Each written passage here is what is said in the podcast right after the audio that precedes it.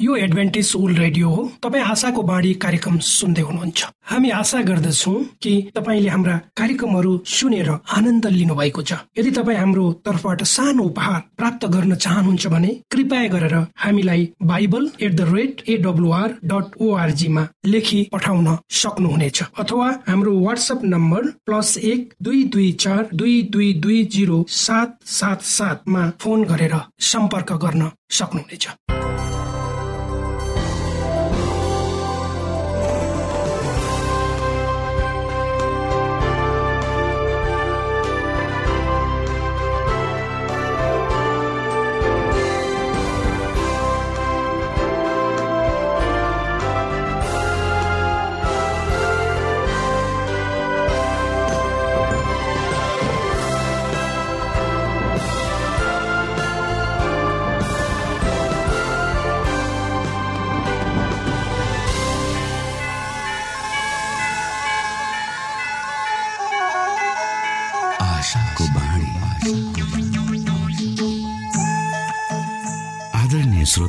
नमस्कार।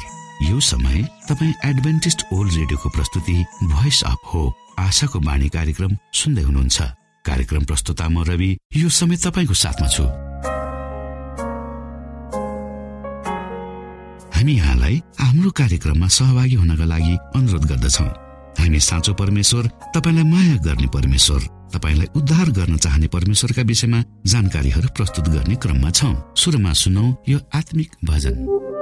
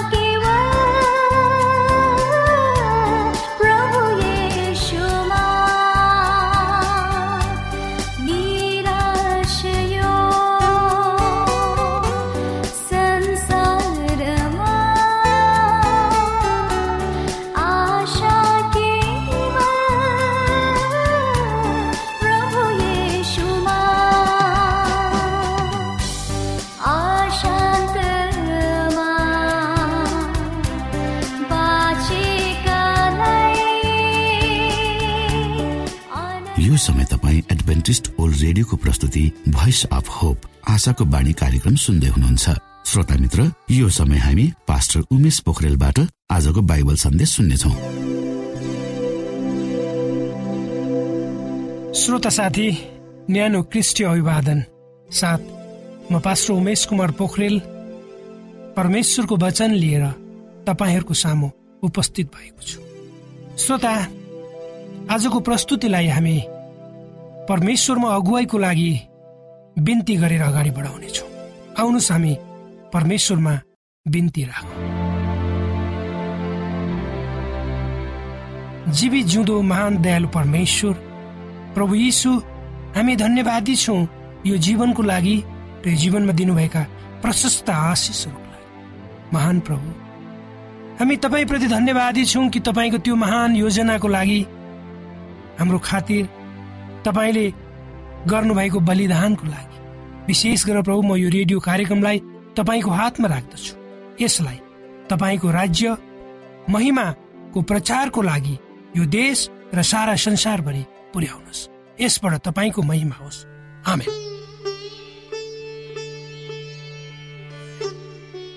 श्रोता साथी म तपाईँहरूको बीचमा परमेश्वर र मानिस र त्यो सम्बन्धको विषयमा अर्थात् परमेश्वर मानिस र मानिस र परमेश्वरको बीचको सम्बन्धको सेरोफेरोमा रहेर परमेश्वरका वचनहरू लिएर आउनेछु।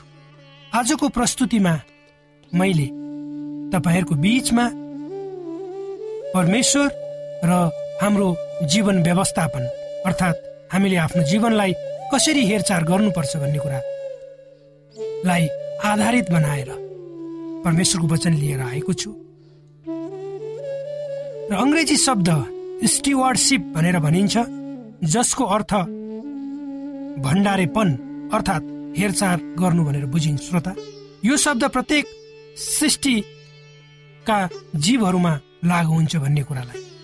संसारका सबै मानिसहरूले बुझ्न नसकेको पाइन्छ अर्थात् यसलाई सबैले आफ्नै बुझाइ र अवस्था हेरी व्याख्या गरेको देखिन्छ। मानिसहरूले भण्डारेपन अथवा हेरचाह गर्ने शब्दलाई गलत रूपमा बुझिएको कारणले नै गर्दा। आज संसारमा धेरै मानिसहरू आफ्नो जीवनमा वास्तविक सन्तोष एवं आनन्दको अनुभूति गर्न नसकी हताश र निराश भएको हामी पाउँदछौँ। त्यसबाट तपाईँ हामी पनि अछुत छैनौँ। यसको कारण भनेको सांसारिक चिजहरू प्राप्त गर्ने अभिलाषाको अस्वस्थ प्रतिस्पर्धामा दौडिरहेको कोही? तपाईँ हामीले हाम्रो जीवनलाई हेर्ने दृष्टिकोणलाई खुम्चाइरहेका हुन्छौँ। र मानिसहरू जो यी सांसारिक अभिलाषा प्राप्तिलाई आफ्नो जीवनको अमूल्य लक्ष्य बनाई सांसारिक दौडमा दौडिरहेको हामी पाउँछौँ तिनीहरूको मेहनत र परिश्रम अन्तत्वगत्वा उपलब्धिविहीन र शून्यतामा पुग्छ। अर्थात् तिनीहरूको आफ्नो मेहनत र परिश्रमको पुरस्कार लामो समयसम्म रहँदैन।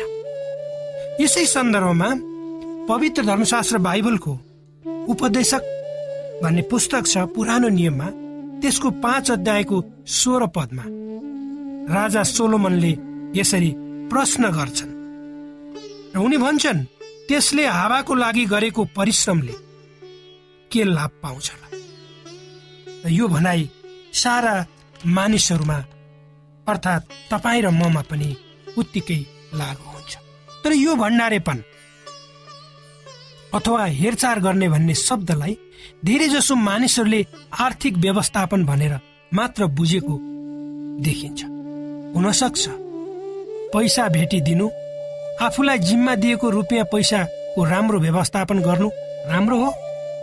र यो भण्डारेपनको एक भाग मात्र तर यो रुपियाँ पैसाको पर्यावाची शब्द भने होइन श्रोता। महत्वपूर्ण कुरा यो छ कि प्रत्येक व्यक्तिले आफ्नो उसको परमेश्वरसँगको सम्बन्धमा स्पष्ट हुन जरुरी छ। र परमेश्वरको उसको जीवनमा ठुलो योजना छ भने बुझ्न पनि जरुरी छ। यदि कुनै मानिसले परमेश्वरको उसको जीवनमा ठुलो योजना छ भने बुझ्दैन भने तब ऊ केवल एउटा कमिलो भन्दा केही माथि मात्र हुन सक्छ जसले हिउँदमा कडा परिश्रम गरी आउँदो कठोर जाडोको समयको निम्ति चाहिने खाना जम्मा गर्छ। यदि तपाईँ हाम्रो जीवन जियाई यसरी नै कमिलाहरू झै दिन प्रतिदिनको भोजन प्राप्त गर्ने मा मात्र छ? वा यो संसारभन्दा पर हाम्रो कुनै लक्ष्य छैन भने। आश्चर्यको कुरो यो हुन्छ कि संसारमा धेरै कम मानिसहरूले आत्महत्या गर्ने थियो होला भण्डारेपन भनेको के हो? डिक्सनेरीको व्याख्या अनुसार अथवा शब्दकोशले यसलाई गरेको व्याख्या अनुसार एक व्यक्ति जसले अर्काको सम्पत्तिको हेरचाह वा व्यवस्थापन गर्छ भनेर बुझिन्छ। त्यसमा पनि जब हामी इसाई म्यानेजरको कुरा गर्छौँ अथवा व्यवस्थापकको कुरा गर्छौँ त्यो व्यक्ति अन्य सांसारिक व्यवस्थापक भन्दा बढी इमान्दार र विश्वासयोग्य हुनुपर्छ। किनकि त्यो व्यक्तिले संसारको मालिकको कुरालाई व्यवस्थापन गर्ने जिम्मा पाएको हुन्छ। परमेश्वरले तयार गर्नुभएको रेखाङ्कनलाई स्वीकार गरी आफ्नो जीवन र त्यसको उद्देश्य भनेको उहाँ अर्थात् परमेश्वरको योजनालाई मूर्त रूप दिनको निम्ति दैवीय शक्तिले त्यो व्यक्ति अथवा तपाईँ र मलाई अगुवाई गर्नुहुन्छ। र हामी र जसले तपाईँ र मेरो प्रतिभा क्षमतालाई उहाँको खातिर बढाउँदै लानुहुन्छ भन्ने कुरालाई कदापि भुल्नु हुँदैन। प्रत्येक इसाई परमेश्वरको भण्डारे वा व्यवस्थापक हो जसलाई परमेश्वरले आफ्नो असल कुराहरूले भर्नु भएको छ। श्रोता मित्र अझ धेरै मानिसहरू र इसाईहरूले पनि आफ्नो जीवनको व्यवस्थापनलाई वा जीवनलाई सन्तुलित रूपमा अगाडि बढाउन सकेका छैन र यो प्रत्येक व्यक्तिले आफ्नो जीवनलाई आफ्नै किसिमले परिभाषा गर्ने र आफ्नै किसिमले बुझ्ने गरेको हामी पाउँछौँ। र त्यसैले त उनीहरूले आफूलाई आफ्नो जीवनको व्यवस्थापकको रूपमा स्वीकार नगरी आफू आफ्नो जीवनको मालिक भएको भनी ठान्दछन् अर्थात् अझ धेरै मान्छेहरूले आफ्नो जीवनको मालिक आफै भएको स्वीकार गर्दछन् र परमेश्वर को हुनुहुन्छ र उनीहरूको जीवनमा परमेश्वरको इच्छा के छ भनेर उनीहरूले बुझ्न नसकेको हामी पाउँछौँ।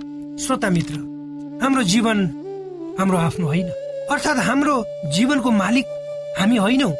हाम्रो जीवनको मालिक त परमेश्वर हुनुहुन्छ।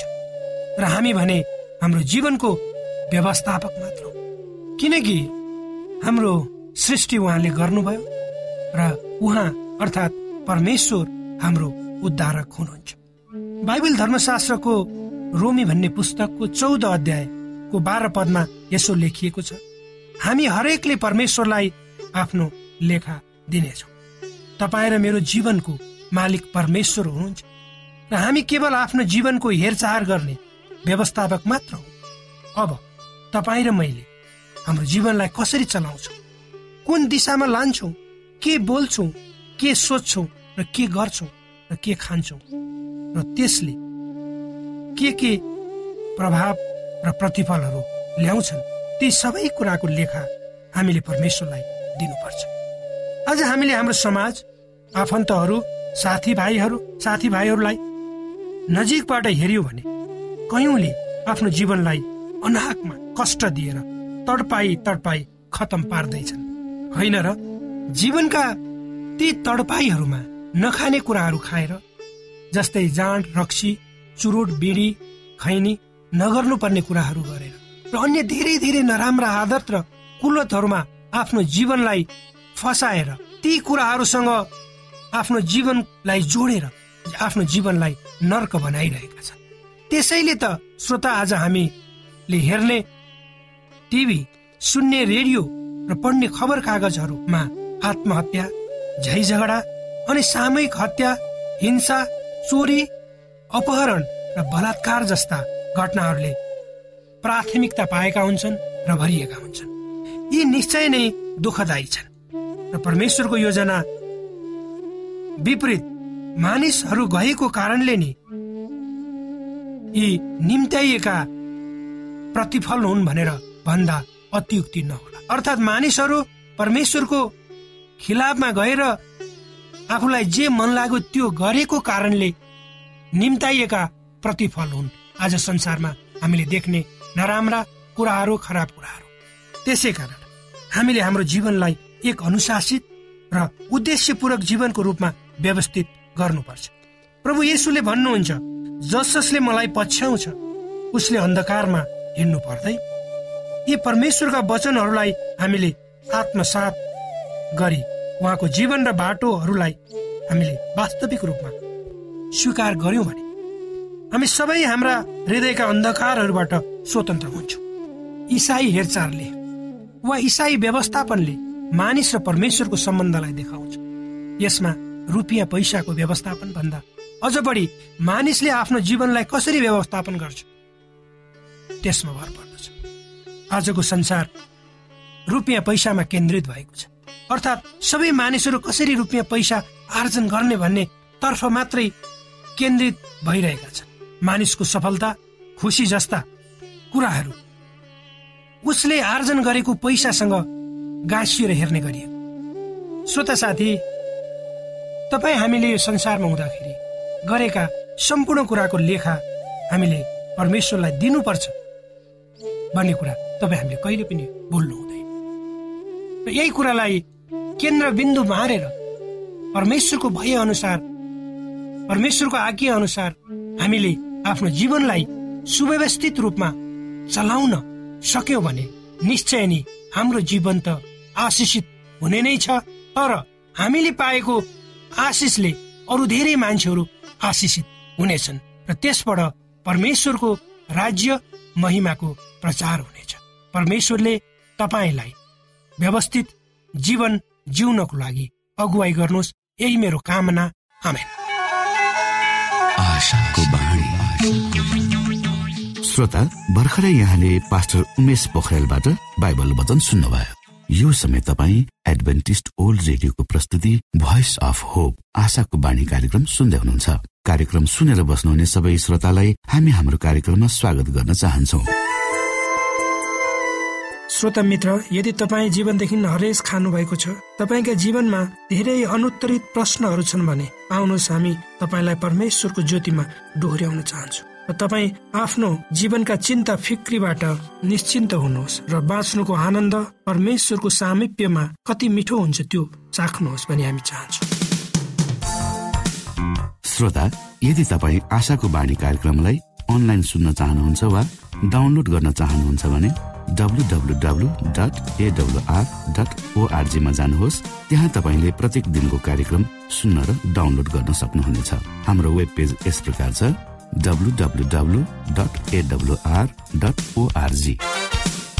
श्रोत साथी न्यानो अभिवादन साथ म पास्टर उमेश पोखरेल। परमेश्वरको वचन लिएर यो रेडियो कार्यक्रम मार्फत पुनः तपाईँहरूको बिचमा उपस्थित भएको छु। मलाई आशा छ तपाईँले हाम्रा कार्यक्रमहरूलाई नियमित रूपमा सुनेर परमेश्वर सँगसँगको यात्रामा आफूलाई अगाडि बढाउँदै हुनुहुन्छ। परमेश्वरसँगको यात्रा कति मिठो र आनन्ददायक रहेछ भन्ने कुरो आफ्नै जीवनबाट अनुभव गर्दै हुनुहुन्छ। श्रोत साथी आज म तपाईँहरू बिचमा एउटा गवाई लिएर उपस्थित भएको छु जसको शीर्षक छ अदृश्य चिहानहरू।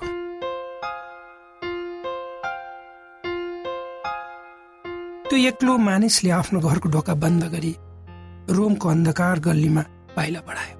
छायाभित्र आफूलाई लटपट्याएर ऊ सहरको पछाडिको गल्लीबाट पछाडि फर्कँदै हिँड्दै अगाडि बढ्दै गयो। उसलाई डर थियो कि कतै कसैले उसलाई भागेको देखेर पछ्याउने त होइन। जब ऊ सहरको बाहिर पुग्यो तब ठुलो चट्टानभित्र आफूलाई लुकाउन ऊ छिटो छिटो दौड्यो र त्यही चट्टानभित्रको अन्धकारयुक्त बाटो भएर अगाडि बढ्यो। जुन ठाउँबाट उसले धेरै पहिला आफ्नो सहर निर्माणको निम्ति ढुङ्गा लगेको थियो त्यो मानिस सावधानीपूर्वक छिटो छिटो अन्धकारमा सङ्गीतहरूको आवाजद्वारा आफ्नो बाटो पहिलाउँदै अगाडि बढ्दै थियो। त्यो गुफाभित्रको अन्धकारयुक्त बाटो भएर पार हुँदा हुँदै अन्त्यमा उसले ज्योति देख्यो र त्यसैतिर बढ्यो ढुङ्गाले सिँगारिएको स्थानमा आइमाईहरू लोग्ने मानिसहरू सेतो पहिरनका साथ भजन गाएर आनन्द मनाइरहेको उसले देख्यो। धेरै अन्धकारयुक्त दिनहरूमा उसले रोमनका इसाईहरूसँग परमेश्वरको आराधना गर्यो। र नेरो राजाका चनाका सुरक्षा कर्मीबाट ऊ सुरक्षित त्यस त्यहाँ भएका सबै मानिसहरूले एकपछि अर्को गरेर आफ्ना ती दुःखद दिनहरूको बारेमा परमेश्वरले कसरी उनीहरूलाई सुरक्षित राख्नुभयो भनेर आफ्नो गवाई बाँडे। उनीहरूको प्रार्थनाको उत्तर परमेश्वरले कसरी दिनुभयो र ती अन्धकारयुक्त दिनहरूमा कसरी अगुवाई गर्नुभयो भनेर छलफल उनीहरू सबै सँगै आफ्ना साथीभाइ र आफन्तहरू सम्झेर रोए। जब उनीहरूले आफ्ना आफन्त र साथीभाइहरूले उनीहरूको जीवनको अन्तिम सास कसरी फेरे भनेर उनीहरूले आफ्नै आँखामा आँखाले देखे र उनीहरूको कसरी हत्या गरियो। निर्ममतापूर्वक हत्या। रोमी शासक नेरोको सतावट भन्दा अरू के हुन सक्थ्यो? चौरासी जुलाई जब भयानक सतावटको अन्त्य भयो। धेरैले भने राजा नेरोले आगो लगाएर सबै सहरलाई नष्ट गर्यो र मानिसहरू तडपेर मरेको हेरेर उसले आनन्द बनायो र त्यो विकराल अवस्थालाई चित्रण गर्दै लेखिएको एउटा कवितामा वर्णन गरिएको छ।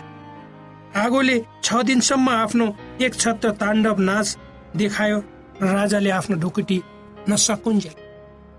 उक्त सहरका सारा मानिसलाई नष्ट पार्न आफ्नो पैसा बगाए त्यसपछि मानिसहरूको मनलाई अर्कोतिर फर्काउन नेहरूले उक्त आगो इसाईहरूले लगाएको भनेर आरोप लगाए र सबै कुरा सबै इसाईहरूलाई खोजी खोजी मार्ने उसले आदेश दियो।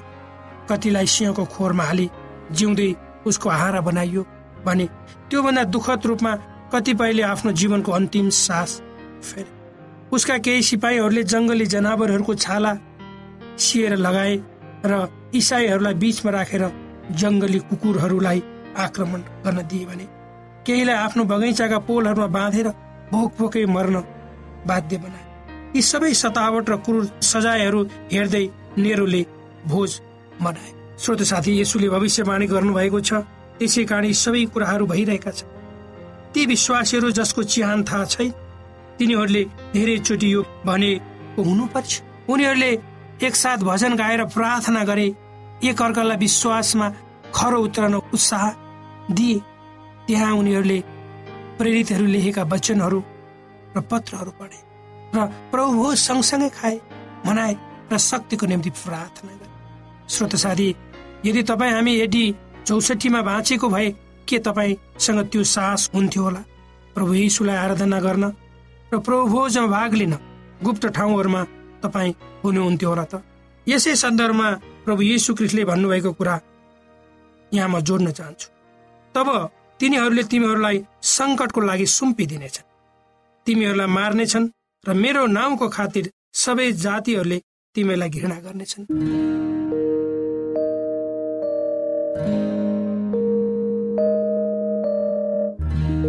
आदरणीय मित्र बाइबलले बताएको छ परमेश्वरले तिर्खाकाहरूलाई तृप्त पार्नुहुन्छ र भोकालाई उत्तम पदार्थले सन्तुष्ट पार्नुहुन्छ। हामीलाई दिइएको यो छोटो समय आशाको बाणीको प्रस्तुतिको समयमा हामीले हाम्रा श्रोताको आत्मिक भोकलाई केही मात्रामा भए तापनि सही प्रकारको खोराक पस्केर आत्मिक सन्तुष्टि दिन सकेका छौँ केही ऊर्जा थप्न सकेका छौँ भनेर हामीले आशा राखेका छौँ। आफ्ना मनमा भएका केही दुविधा र शङ्काहरू छन् भने अवश्य हामीसँग बाँडेर शङ्काको निवारण गर्नुहुनेछ र सही प्रकारको बाटो पहिल्याउन सक्नुहुनेछ परमेश्वरको सच्चाइले अझ राम्रो बुझ्न सक्नुहुनेछ र आफ्नो जीवनलाई परमेश्वरमा पूर्ण समर्पित भएर समर्पण सहितको जीवन बिताउन सक्नुहुनेछ भनेर आशा राख्दै अब हामी हाम्रो कार्यक्रम सकिएको जानकारी यहाँलाई गराउन चाहन्छौ। जानुभन्दा अगाडि श्रोता हामी यहाँलाई हाम्रो ठेगानाको विषयमा जानकारी गरौं। हामीसँग पत्राचार गर्ने हाम्रो ठेगाना यस प्रकार छ। आशाको बाणी पोस्ट बक्स नम्बर दुई शून्य शून्य शून्य दुई काठमाडौँ नेपाल। आशाको बाणी पोस्ट बक्स नम्बर दुई शून्य शून्य शून्य दुई काठमाडौँ नेपाल। यसै गरी श्रोता यदि तपाईँ हामीसँग सिधै कुराकानी गर्न चाहनुहुन्छ भने हाम्रो फोन नम्बर यस प्रकार छ अन्ठानब्बे एकसाठी पचपन्न शून्य एक सय बिस। अन्ठानब्बे एकसाठी पचपन्न शून्य एक सय बिस। र अर्को अन्ठानब्बे अठार त्रिपन्न पन्चानब्बे पचपन्न। अन्ठानब्बे अठार त्रिपन्न पन्चानब्बे पचपन्न। हामीलाई इमेल पनि गर्न सक्नुहुन्छ। हाम्रो इमेल एड्रेस यस प्रकार छ Nepal at AWR dot ORG Nepal at AWR dot ORG यदि तपाईँ हामीलाई अनलाइन सुन्न चाहनुहुन्छ वा डाउनलोड गर्न चाहनुहुन्छ भने तपाईँ W W W dot AWR dot ओआरजीमा जानुहोस् र त्यहाँ तपाईँले हाम्रा सबै कार्यक्रमहरू सुन्न सक्नुहुनेछ। हाम्रो वेब पेज यस प्रकार छ W W W dot AWR dot ORG श्रोता यसमा गएर तपाईँले हाम्रा दैनिक कार्यक्रमलाई सुन्न सक्नुहुनेछ र डाउनलोड पनि गर्न सक्नुहुनेछ। हवस् त श्रोता हाम्रो कार्यक्रम सुनिदिनु भएकोमा एकचोटि फेरि यहाँलाई धन्यवाद दिँदै भोलि फेरि यही स्टेशन यही समयमा यहाँसँग भेट्ने आशा राख्दै प्राविधिक साथी राजेश र पास्टर उमेश पोखरेल र कार्यक्रम प्रस्तुता म रवि यहाँसँग विदा माग्दछौ। परमेश्वरले तपाईँलाई धेरै धेरै आशिष दिनु भएको होस्। नमस्कार। यो